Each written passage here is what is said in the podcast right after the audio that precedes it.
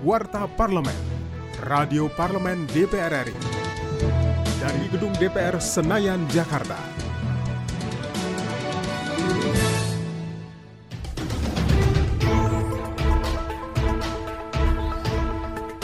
Anggota Komisi 6 DPR RI Miss Bakun turut prihatin dengan kondisi perekonomian nasional yang terpukul imbas dari pandemi COVID-19. Ia menilai hanya BUMN, bidang farmasi dan bidang pangan yang bisa tetap bertahan hidup di tengah situasi yang tidak menentu seperti saat ini. Saat di Komplek Parlemen Senayan Jakarta, ia berharap khususnya pada BUMN farmasi agar bisa terus meningkatkan performa dan kinerjanya, serta diharapkan tidak banyak mengimpor produk farmasi dari negara lain, tetapi juga mengoptimalkan SDM yang ada.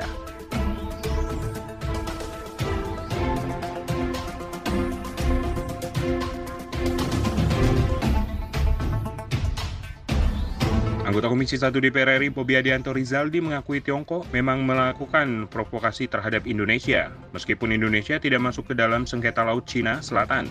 Dalam rapat kerja dengan Menteri Luar Negeri di Komplek Parlemen Senayan Jakarta, ia meminta agar Bakamla dapat menjaga perbatasan tanpa harus melibatkan TNI. Hal ini dilakukan agar Indonesia tidak mendapatkan sanksi secara internasional, namun tetap dapat menjaga kedaulatan lautnya dari provokasi Tiongkok.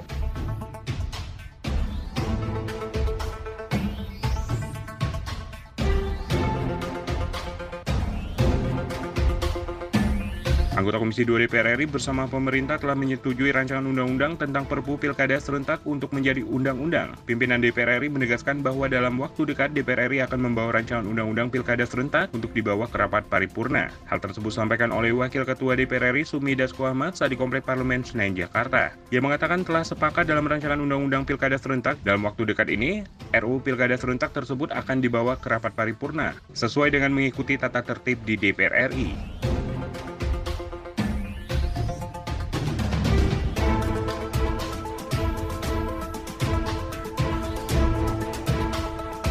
Demikian Warta Parlemen, Produksi TV dan Radio Parlemen, Biro Pemberitaan Parlemen, Sekretariat Jenderal DPR RI.